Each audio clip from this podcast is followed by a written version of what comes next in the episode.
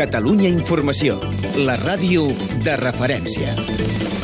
A Catalunya Informació, la ràdio de referència, obrim ara la crònica internacional. Avui dia important a la Unió Europea. Croàcia celebra aquesta nit, res, en dues hores, amb una gran festa de Zagreb. El seu ingrés a la Unió Europea es farà efectiu justament a les 12, a la mitjanit. Entre l'alegria i l'escepticisme, els croats esperen que el seu nou estatus com a 28è membre de la Unió els ajudi a sortir de la recessió econòmica. Enviada especial a Zagreb, Mariel Bagilabert.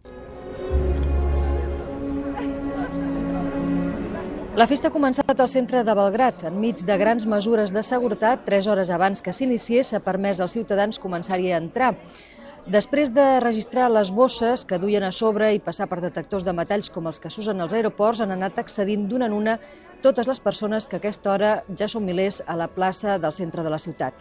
Persones com aquesta jove que deia que estava molt contenta que hi hagi arribat aquest dia. Perquè som part d'Europa i ara ja se'ns accepta com un membre més. Per mi no hi ha cap diferència. Ja em sentia que era part d'Europa. Simplement que ara, per fi, s'ha acabat tot el procés. I és que el camí és tan llarg, més d'una dècada des del principi. Hi ha hagut molts obstacles a superar, principalment els heretats de la guerra, com per exemple l'extradició d'autors de crims, que en canvi per molts croats són herois nacionals, o els canvis estructurals que s'ha hagut de fer per erradicar la corrupció o adequar el país als estàndards comunitaris. Una feina, per cert, que tot i que ha avançat encara no ha acabat com tothom reconeix. Projecte Explica Europa a Europa amb el suport de la Comissió Europea.